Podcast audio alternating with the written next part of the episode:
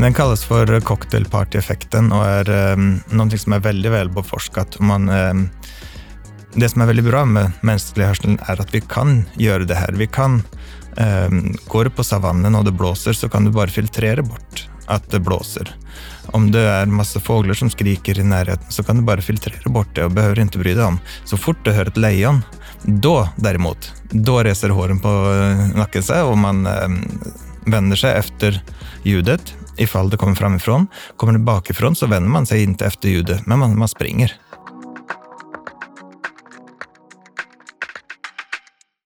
Hej alla där ute som lyssnar och hej Kjetil Falkenberg, forskare på KTH. Välkommen till Forskarmötet, Handelsrådets podd om handelsforskning. Tusen tack. Kul att ha dig här. Och idag ska vi prata om det som hörs om ljudande landskap, ljudsättning av produkter och ljud i butik. Du har ju ett pågående forskningsprojekt som finansieras av Handelsrådet, Välklingande butiksvaror. Ska du börja berätta, vad är det som ska låta och varför? Det som ska låta, det är när man tar en och lyfter en eh, förmodligen ganska dyr vara, så ska det låta pyttelite swish eller swoosh som eh, berättar för eh, omvärlden och personalen inte minst att nu är det någon som tittar på den här dyra varan. Det kan ha flera syften. För det första så blir det lättare för personalen att, att följa med och se vem är det som eh, är intresserad i de här varorna i butiken. Men det har också ett annat syfte och det är att skrämma bort eh, möjliga snattare som kommer in och tänker att undrar om inte jag ska ta med mig någonting idag. Men sen när de hör ett uh, svagt ljud så tänker de att ja, kanske är det någon som kollar vad jag gör. Jag låter nog det här vara. Medan uh, den sista gruppen, de som kommer in för att köpa varan, de uh, har ingen aning om att det ska finnas ljud. De märker inte ljud eftersom det är så pass subtilt. Det de däremot får, det är hjälp av personalen. Så det här ska gynna alla. Så att det handlar både om arbetsmiljö och brottsprevention och de här två sakerna överlappar ju varandra, eller hur? Ja, och även konsumentupplevelse skulle jag säga. Eh, tanken är att det här ska vara trevliga ljud istället för larmljud eh, som man annars kan höra om det någon går förbi mm, kassan utan att ha betalt så kan det ju tjuta väldigt, men det är inte den sortens ljud vi vill ha. Den där som man får när man har en biblioteksbok med sig som inte har larmats av och man skamset får gå tillbaka till kassan och visa upp sin lånebok. Till exempel. Innan vi går in mer praktiskt på hur ni har gjort eh, den här forskningen, finns det någon del av att det faktiskt ska vara köpdrivande också? För sådana tankar finns ju kring till exempel restaurang, att man ska få en stor genomströmning om man spelar snabb musik eller få folk att sitta länge och beställa en avec till kaffet. Mm. Jag skulle önska jag kunde säga ett tydligt ja, men eh, min bakgrund är som musikforskare. Jag tycker att musik är någonting som är väldigt bra här i världen och som man ska höra mycket mera och trevliga ljud. Eh, och jag tänker på upplevelsen här först och främst. Eh, så om det kanske kan trigga ett köpbeteende som handlarna vill ha så är det bara bra, men det är ingenting som driver forskningen här inte. Hur har ni gått tillväga nu när ni har satt upp de här forskningstillfällena och forskningsmiljöerna. För det första, vad är det för varor det handlar om? Är det stöldbegärligt saffran och pulverkaffe eller är det jättedyra märkeshandväskor? Hellre det senaste. Eh, det finns väldigt mycket som är stöldbegärligt runt omkring. Jag gissar att strumpor på H&M kan vara väldigt stöldbegärliga, men det är inte den sortens varor vi har tittat på, så vi går mer åt det dyra segmentet av ja, till exempel eh, GPS-trackers eller um, skaljackor, andra saker på speciellt friluftsbutiker som, som vi har siktat oss in på. Alltså elektronikvaror, dyra sportprylar. Ja, mm. eh, varor som folk vill känna och klämma på men som ännu inte är eh, satt fast i bänken och larmat som mobiltelefoner kan vara. Hur har ni konkret gått tillväga nu? Då? Har ni sett, satt bjällror på den här dyra skidjackan eller vad har ni gjort? Ja, det var ju det vi ville göra. Eh, sen eh, det här projektet startade precis samma månad som eh, corona kom. Och ah. det gjorde att vi insåg ganska snabbt att eh, vi kan inte ha en, en eh, längre datainsamling med det här i en fysisk butik, för det kommer till att vara färre folk än vanligt, så vi kan inte jämföra med en vanlig situation.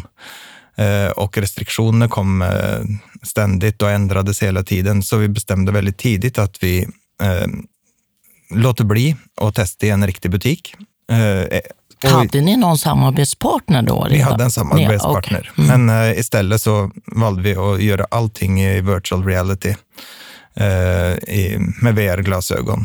Och uh, vi byggde upp en butiksmiljö där våra försökspersoner, våra gäster kunde komma in, gå runt och ja, plocka på sig varor för att handla dem bara gå in i butiken och titta beroende på vilken instruktion mm. du fick i experimentet. Mm. Det fanns både de som agerade kunder och de som agerade personal. Det stämmer. Vi valde att inte titta på de som agerade snattare eftersom eh, det skulle vara en ganska konstlad situation. Mm. Eh, även om det var någonting som vi, som vi tänkte flera gånger att vi ska göra, men det eh, blev till att vi tittade på andra aspekter. Då. Först och främst intetanande kunder mm. och eh, personal som eh, ska hålla koll på vad som händer i butiken. De personer som var med eh, var till stor del så var det folk som hade erfarenhet av butiksarbete, men vi tog inte, vi hade inte som ett urvalskriterium att de aktivt nu skulle vara anställda i en butik. Mm, just det. Och de här olika grupperna, de fick då som du sa olika instruktioner innan de satte på sig glasögonen och hörselkåpor säkert. Ja, stämmer. Så de hade hörlurar på sig och eh, de här glasögonen. Eh, och när man tar på sig de här glasögonen, om man inte har provat själva, så, ehm, så är det verkligen som att stå i en butik. Det är, man brukar kalla det för immersion, att man verkligen lever sig in i det man ser. Och eh, de här eh, miljöerna ger en väldigt, väldigt stark känsla av en verklig miljö, även om eh, andra karaktärer som går runt i butiken och också handlar, eh, så kallade avatarer, man ser att de är ju ritade. Det är inte verkliga modeller av människor, men ändå så tror man väldigt lätt på den situation man är i. Är det så att man är en och en som var i butiken med VR-glasögon eller kunde det vara både en, en butikssäljare och en kund samtidigt? Det skulle nog kunna ha varit, men eh, i det här eh, experimentet gjorde vi en och en för att kunna hålla koll på olika parametrar, för att få ner olika variabler också. Och det var så att man rörde sig i rummet med de här glasögonen eller satt man ner? Nej, man kunde gå fritt runt. Eh, så det fanns en handellista man skulle ta hand om. Så man fick leta efter olika varor. Mm -hmm. Och medan man letade efter dem så gick andra avatarer och plockade en vara och då letade. Sen så mätte vi mm, huvudrörelser på den, eh, den person som, som vi var intresserade av och såg ifall de tittade efter ljuden när de kom runt omkring i butiken. Och på det sättet kunde vi mäta ifall man hörde någonting utan att behöva fråga personen. Och kunderna, om jag förstod det rätt, de visste inte riktigt vad det här gick ut på. Så det var inte så att ni sa, nu ska ni lyssna efter ett roligt udda ljud.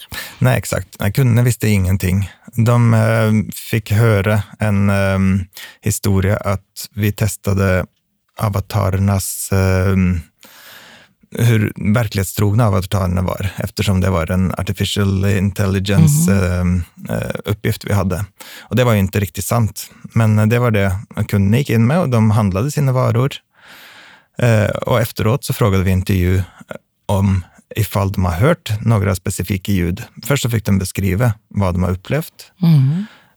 Och om de inte självmant eh, nämnde ljud så frågade vi till slut, men hörde du något ljud? Och i många fall så svarade personen nej. I de flesta fall faktiskt svarade de att de inte hade hört något. Och det var kunderna som svarade nej? Det var kunderna. Mm. Hade ni prat och skrammel och fottramp i bakgrunden eller var det en annan? Ja, vi hade musik som gick i bakgrund som i en riktig butik och eh, även eh, interaktionsljud eller då, ja, skrammel, fötter, eh, kassaapparater. Eh, när folk eller avatarerna kom in och ur butiken så lät det från från utgången. Så ja, det var en ganska verklighetstrogen miljö skulle jag säga från, från butiken, så som det kan vara. Eh, men en intressant sak var ju att de här personerna som då inte visste att det skulle komma ljud, kunde beskriva ljud som inte fanns också, för att de förväntade sig att ljudet var där. Så det var vad ganska var överraskande för oss. Vad var det för ljud som de tyckte sig ha upplevt? Ljudet av en kassalåda? Ja, de, nej, det var ett uh, ljud som kunde påminna om ett larmljud som, uh, som flera sa sig höra, som inte fanns med. Men uh, som de trodde, jag tror att det var när de, om det var när de lämnade in varan till kassan. Eller, ja. Jag förtäckt dåligt samvete för den icke återlämnade biblioteksboken säkert. Det måste vara. Eh, men som du sa, då, så fanns det en skillnad för de som agerade butikssäljare. De hade vässat öronen. De hade vässat öronen. Och vi har gjort det här eh, experimentet i två olika versioner och eh, i den första versionen så eh, kunde man inte själv agera och, och, gå runt och plocka på varor eller så, men man eh, blev på något sätt tagit med runt i butiken och fick se de här avatarerna som går runt och gör saker. Eh, och man kunde titta efter dem, vända huvudet, men eh, man gick inte själv och bestämde inte vart man gick, utan man följde en, en tracé som vi hade lagt ut. Och då kunde, eftersom alla försökspersoner gjorde exakt samma sak, så kunde vi mäta hur stor del man rör huvudet efter en ljudkälla som alltid kom på samma ställe för alla försökspersoner. Och då såg vi med de två grupperna, de som visste om att det fanns ljud och de som mm. inte mm. visste att det fanns ljud, så var det um, en faktor två på, på hur mycket man vände sig efter ljuden. Och um, det var helt tydligt att de som visste att det fanns ljud verkligen också hörde dem. För det här, vi kan göra en liten utvikning nu. Du har berättat för mig spännande där att man har förmågan att rikta sin hörsel. Och vi tog exemplet där man sitter på en restaurang och pratar med sitt sällskap och så hör man ett lösryckt samtal två bord bort om något spännande som är mm. på gång i omvärlden. Och då är det som att man liksom kan filtrera bort ljudet från närmsta bordsgrannen och ställa in örat. Man tänker på den här husbondens rösttratten ja. till bordet längre bort. Den kallas för cocktailparty-effekten och är um, någonting som är väldigt väl beforskat. Man, um, det som är väldigt bra med mänsklig hörsel är att vi kan göra det här. Vi kan, um, går du på savannen och det blåser så kan du bara filtrera bort att det blåser. Om det är massa fåglar som skriker i närheten så kan du bara filtrera bort det och behöver inte bry dig om. Så fort du hör ett lejon, då däremot, då reser håren på eh, nacken sig och man eh, mm. vänder sig efter ljudet ifall det kommer framifrån. Kommer det bakifrån så vänder man sig inte efter ljudet, men man, man springer. Aha. Man tar benen fatt. Så beroende på vart ljudet kommer ifrån och vad, vilken typ av ljud det är, så, så reagerar hjärnan väldigt snabbt. Det var därför också vi kunde mäta huvudrörelser. Ja, förstår. Butiksanställda, det är mycket. De ska serva kunderna, de ska sköta kassasystem, betalning, de ska ha uppsikt över butiken, de ska fronta. Behövs det ytterligare en input? Räcker det inte med ögat? Jo, det skulle man kunna säga. att eh, Varför ska man belämra med ännu mer grejer? Men eh, fördelen med eh, ljudbaserad övervakning, om vi ska kalla det, det är ju att det inte tar bort fokuset från eh, från personalen att man behöver titta någon speciell riktning, utan man kan lyssna. Och är det någonting som är viktigt just där och då av ljud som kommer in, då kan man vända sig efter det. Är det ingenting som man anser är viktigt, till exempel någon annans telefon som ringer i närheten, ja, då, då låter man den ringa och så tittar man inte ens i den riktningen. Så ljud har den eh, fördelen att den kan samarbeta med andra, andra sanser. Man behöver inte och, att eh, man behöver inte fokusera på sitt Nej. lyssnande. Det, det sköts automatiskt. Apropå kontorsmiljöer och återkomst efter covid och hemarbete. Det, det här finns ju en diskussion kring detta. Och ungdomar som pluggar med musik i lurarna och sådär. Men du säger att vi är överlag ganska bra på att separera hörsel från andra sinnen så man kan göra flera saker samtidigt. Det är vi. Sen så finns det också forskning som visar att eh, musiklyssnande till exempel inte alltid är bra. Eh, en studie från Gävle visste att eh, eh, om man pluggar med musik, Mm. oavsett vilken musik det är, så blir det alltid sämre. Man koncentrerar sig inte lika mycket. Ah, ja. Men då är det skillnad kanske på musik och enstaka ljud Det är det. också. Och sen i, butik, nej, i kontorsmiljö så har man ju visat att man vill ju ha ljud. Man vill inte ha det helt tyst. Och eh, många eh, arbetsplatser har ju olika sätt att lägga till ljud. Det kan vara brusljud som läggs på för att öka koncentration. Ehm, Så det finns ehm, förstås många olika funktioner ljud kan ha. Du nämnde här att grund, grundidén kring det här forskningsprojektet är att de ljud som ni jobbade med skulle upplevas som icke-störande och kanske till och med behagliga. Eller hur? Det skulle inte vara det här larm, larmljudet. Så. Nej. Och du har ju inte jobbat med det här ensam. Ni har ju varit fler i forskningsgruppen, eller hur? Hur, hur tog ni fram ljuden? Ljuden togs fram i flera steg eh, där vi både tittade på vad som finns eh, av ljud i butik. Eh, Det finns inte väldigt mycket studier på det, tyvärr. Eh, Och speciellt inte på vilken påverkan ljud har på anställda. Men vi, vi tog fram lite olika typer av ljud som vi ville testa. Först och främst så hade vi ett bakgrundsljud, som, eh, eller en bakgrundsmusik, som är representativ för, för det mesta i butiker, som eh, blev tagit fram av Håkan Lidbo. Eh, och, Ska vi berätta lite grann vem Håkan Lidbo är också så att lyssnarna och jag Ja, förstår digniteten av detta samarbete? Håkan Lidbo är en av Sveriges mest producerande och, eh, skulle jag säga, bästa ljudkonstnärer ehm, och ehm, eh, ljud, ljudproducenter. Han har, han ger ut mycket, eh, många skivor och han har massa utställningar runt omkring i Stockholm och i resten av Sverige, Sverige som, som folk har både sett och hört, men kanske inte tänkt på, för de, de är, kan vara dolda. Eh, går man genom Brunkebergstunneln till exempel finns det Här en i. Stockholm, ja. Här Så i den här gula tunneln man ofta den ser på långa, bild, ja. häftiga gula tunneln. Där inne finns ljud som han har eh, skapat. Så ehm, många har hört utan att ha tänkt på det. Ehm, men eh, han, ehm, han är eh, både kompositör och producent och spelar in mycket ljud. Så, mm, då är min nästa fråga ett behagligt ljud. Ja, men det kanske är väldigt olika för olika personer. Mm, ja och nej. Um, vi har sett väldigt mycket genom forskningen att um, ljud uppfattas ganska likt eh, bland folk. Det är inte så enormt stora skillnader. Um, och eh, de är ofta, om man ser till korta ljud nu då, inte till musik, så är de ofta knytt till ehm, fysiska storlekar. Till exempel en, vill man att någonting ska låta stort, så är ljudet. Det är inte ett för det är inte stort. Ah. Eh, och det finns många av de här fysikaliska kopplingarna som är så starka att, eh, att de funkar på, på den, stort sett alla.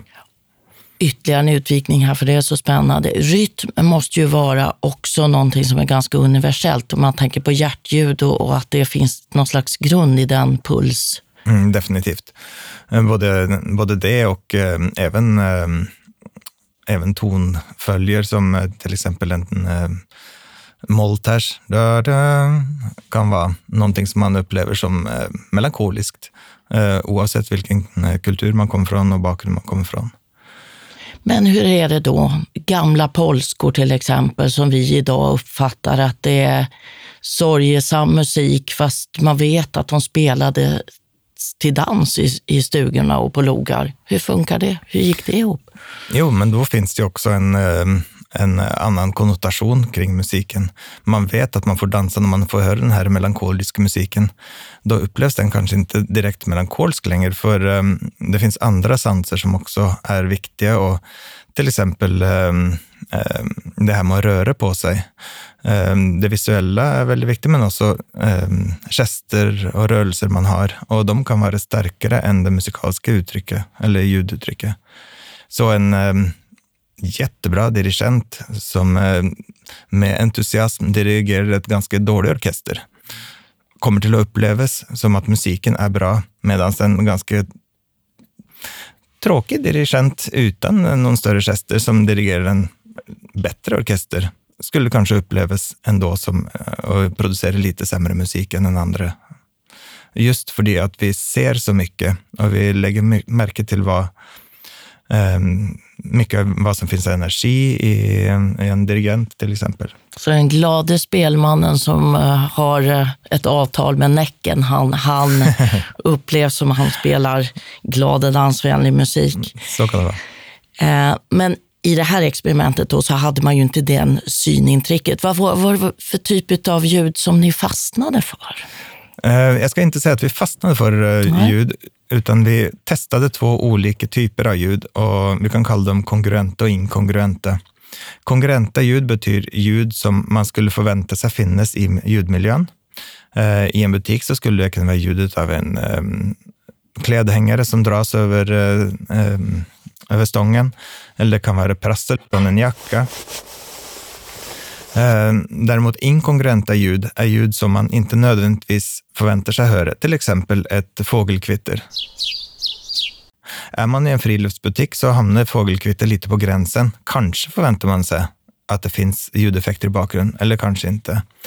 Medan eh, en ljudet av ett instrument skulle vara ganska inkongruent i sammanhanget, ifall det då inte passar med musiken som spelas i bakgrunden. Så det finns många olika parametrar att ta, ta hänsyn till. Men vi ändå upp med att testa kongruenta ljud som var ofta då ljud av, um, som hade med varan man lyfte, till exempel då uh, någon slags metallisk ljud från en uh, klädhängare. Uh, och de icke-kongruenta ljuden var då eh, till exempel ett starkt fågelkvitter, en liten tuta och lite olika som, eh, som jag också då kan visa ljudexempel på här. Jag ska inte be dig att föregripa resultaten, så. men det kommer ju att presenteras resultat här nu. När då? Vi har redan fått presenterat en del resultat mm. på konferenser Ehm, som då handlar först och främst om uppmärksamheten kring, kring ljud när man inte vet att det ska spelas ljud. Ehm, och också lite om designprincipen vi har haft kring kongruenta och inkongruenta ljud. Ehm, sen så hoppas vi även att kunna presentera eh, resultat från test i butik, en, eh, en mer riktig miljö. Så, det, ja, så att innan slutet på året, när ni då presenterar rapporten för Handelsrådets räkning och eh, den kommer ju läggas ut på vår hemsida, så kommer ni förhoppningsvis också ha testat i riktig fysisk miljö. Ja, det stämmer. Ja. Men på exakt vilket sätt vi gör det, det um, återstår lite att se eftersom möjligheten vi fick med att testa i eh, virtuell verklighet var mm. att vi kunde göra mer grundläggande studier kring uppmärksamheten av ljud, vilket har um, förstås format projektet en hel del också. Du sa till mig att det har inte forskats så mycket kring det här tidigare och då invänder jag lite grann, ja men musik i butik har du ju forskats kring. Hur länge sitter en människa kvar och äter? Eh, hur gör man för att få oönskade personer att eh, bege sig ifrån en eh, galleria till exempel det används ju idag, eller hur? Mm, ja, absolut. Det har forskats mycket kring musik, eh, musikens påverkan på speciellt konsumenter och besökare. Kan eh, du, kan du säga någonting kring det?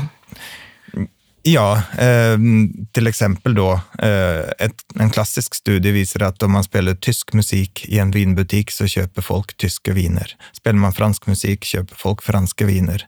Och den är en av de mer klassiska studierna inom det här.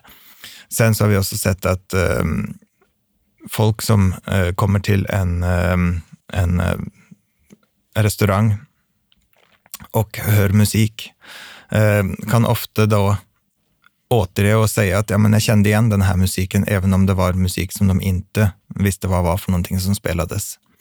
Eh, så det vi kallar för generisk musik. Så har de ändå en stark känsla av att de känner igen musiken. Eh, varför det är så är väl ehm, inte helt kartlagt än. Eh, men det är klart, en, del, man vill gärna höra ljud, man vill höra musik även om, ehm, även om man inte vet exakt vilken musik som spelas. Mm, mm. Sen kan det kanske vara den här frågeeffekten också, att man vill, ja det är klart jag känner igen ja. det här. Ja. och sen så har det också visat sig att eh, allt, och det kommer ju från handelsforskning, allt som gör att kunden stannar längre i butiken gör att man, man handlar mer och konsumerar mer. Och eh, i så fall är det musik som gör att du stannar kvar så, så har ju det en positiv effekt.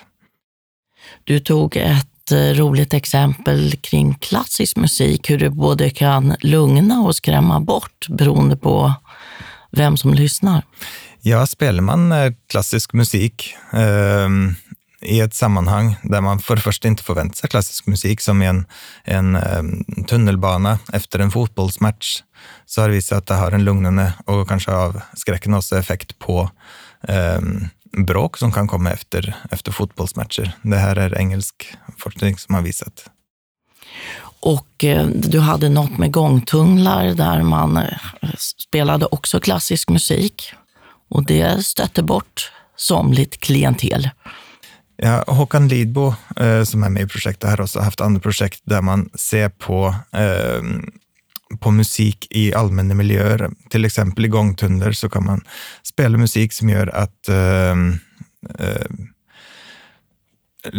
ljusskygg verksamhet kanske inte känner sig lika välkomna och ehm, eh, eh Gör man en miljö trevlig så blir det inte lika stor plats för otrevligheter. Det hade aldrig Mozart kunnat tänka sig. Eh, du hade ett annat exempel med, med musik till bron över eh, floden Kwai. Ja, stämmer. Um, hur, du visslade, hur, hur är den Bron slingan? Av, ska vi försöka vissla den då? Mm. Den låten eh, spelas, eh, om det är på Ikea tror jag där, eller om det är Åhléns. Nu har jag glömt, längst när man var ute och handlade. Eh, men eh, där spelas den vid stängningsdags och man har kortat ner loopen på den, så när den går om så har man eh, eh lite för kort eh, lite för kort strof, så man eh, blir lite stressad av den låten. Du, du, du, du, du, du, du, du, du, du, du, du, ja, oj, jag känner redan nu hur pulsen går upp. och man hör ambulanser och utryckningsfordon, till exempel, kan vara i Spanien eller Frankrike, så är de också mindre rytmiska än vad de är här. Just för att man ska lägga märke till det. Det ska inte vara en rytm som bara man faller in i.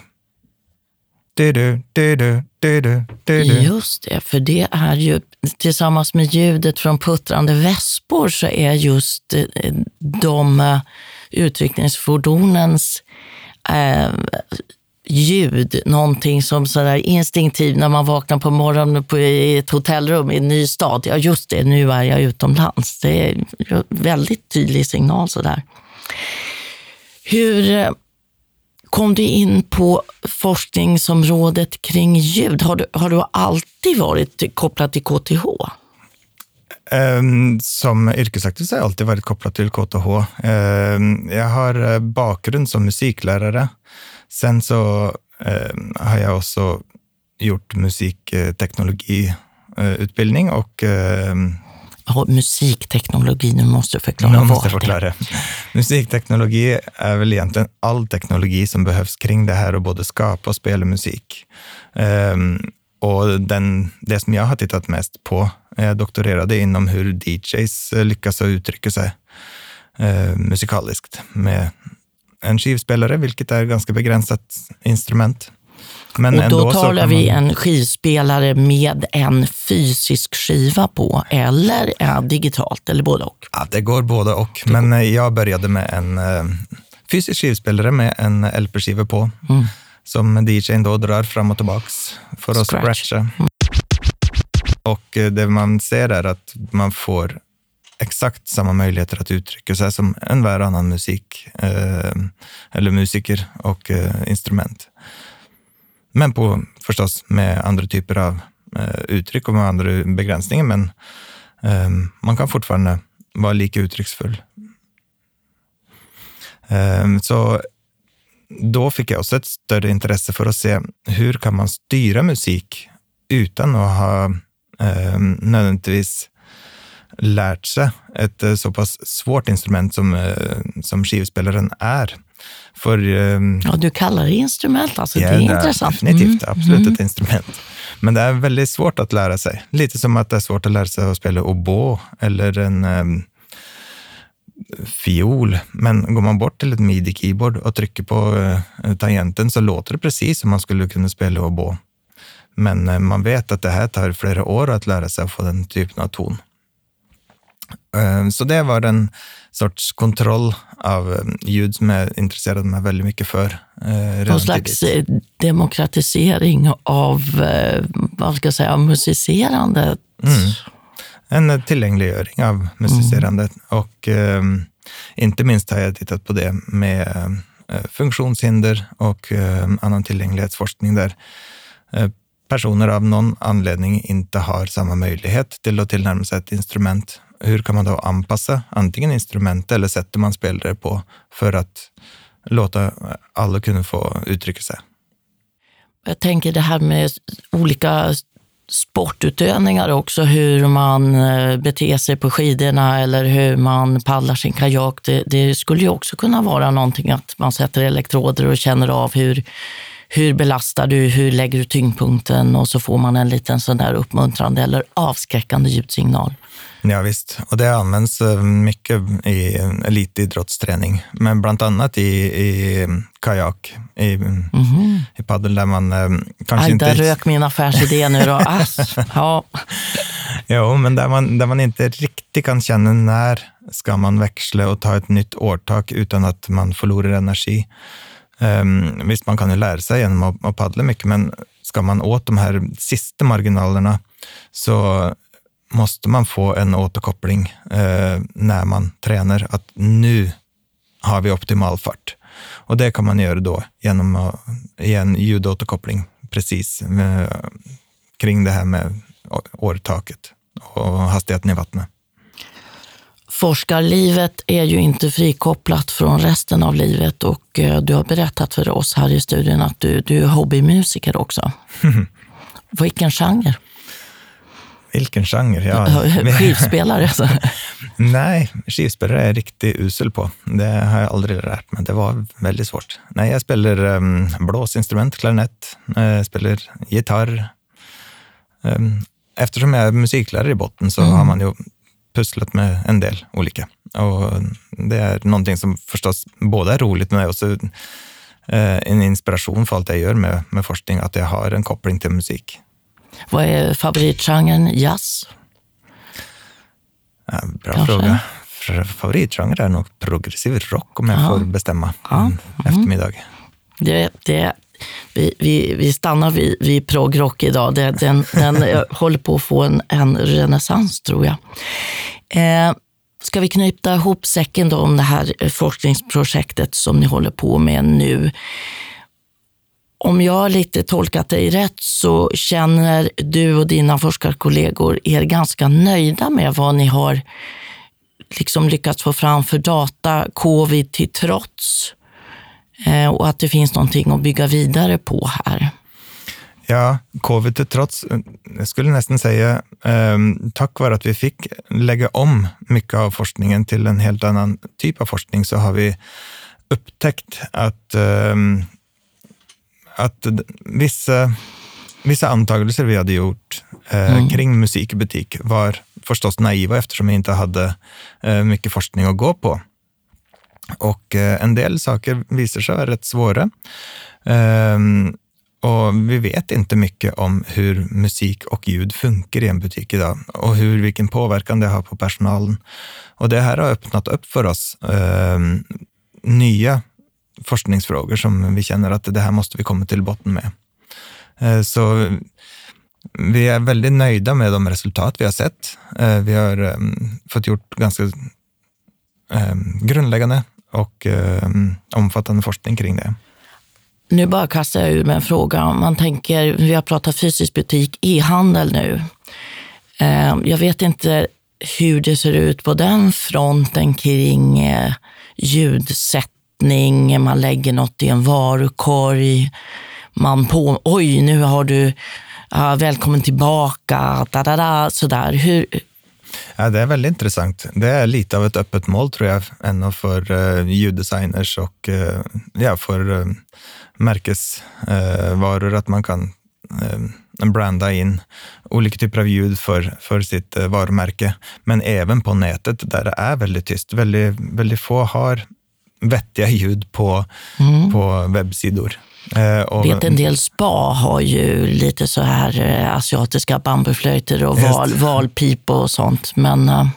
Ja, och, och, det är väl bra. Det är ju en, en första förstås. Eh, en första applicering av ljud och musik på, på webbsidor. Men eh, i och med att webbtekniken eh, går väldigt snabbt framåt också med hur man kan lägga in ljud på webbsidor så får man också helt nya möjligheter nu som eh, likt butiksljud inte är beforskade. Man vet inte mm, vad olika typer av ljud skulle ha för påverkan på, på konsumenten. För, inte i stor grad i alla fall. För man tänker allt som har med datorspel att göra, det är ju väldigt väl utvecklat kring ljud och, och vad som man upplever i den virtuella världen. Så där, det skulle väl kunna gå liksom appliceras på något sätt kan man tänka sig för att ge den här extra upplevelsen. Definitivt. Och eh, är det dåligt ljud, är det dålig musik på en webbsida, då stänger folk ljudet av. Det är inte svårare än så, men då missar man ju också en möjlighet. Så jag tror att eh, framtiden kommer att visa att det blir mer,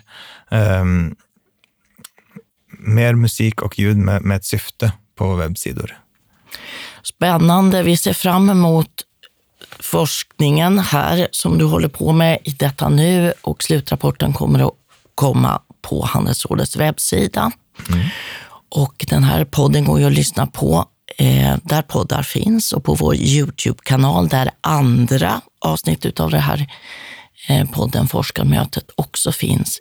Tack så hemskt mycket Kjetil för att du kom hit denna snöiga dag i februari.